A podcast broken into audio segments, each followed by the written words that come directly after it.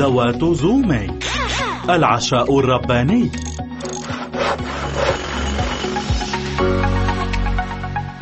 رجاء تابع معنا في دليل زومي.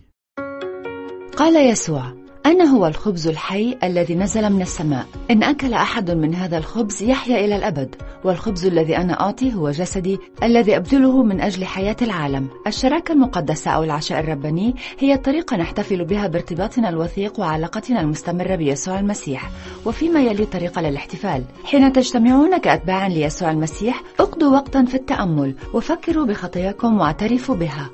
أطلب من شخص أن يقرأ المقطع التالي من الكتاب المقدس لأنني تسلمت من الرب ما سلمتكم أيضا. إن الرب يسوع في الليلة التي أسلم فيها أخذ خبزا وشكر فكسر وقال خذوا كلوا هذا هو جسدي المكسور لأجلكم. اصنعوا هذا لذكري. واحد كورنثوس الإصحاح الحادي عشر الآيتان 23 و 24 ثم مرر الخبز للمجموعة وكلوا. ثم أكمل القراءة.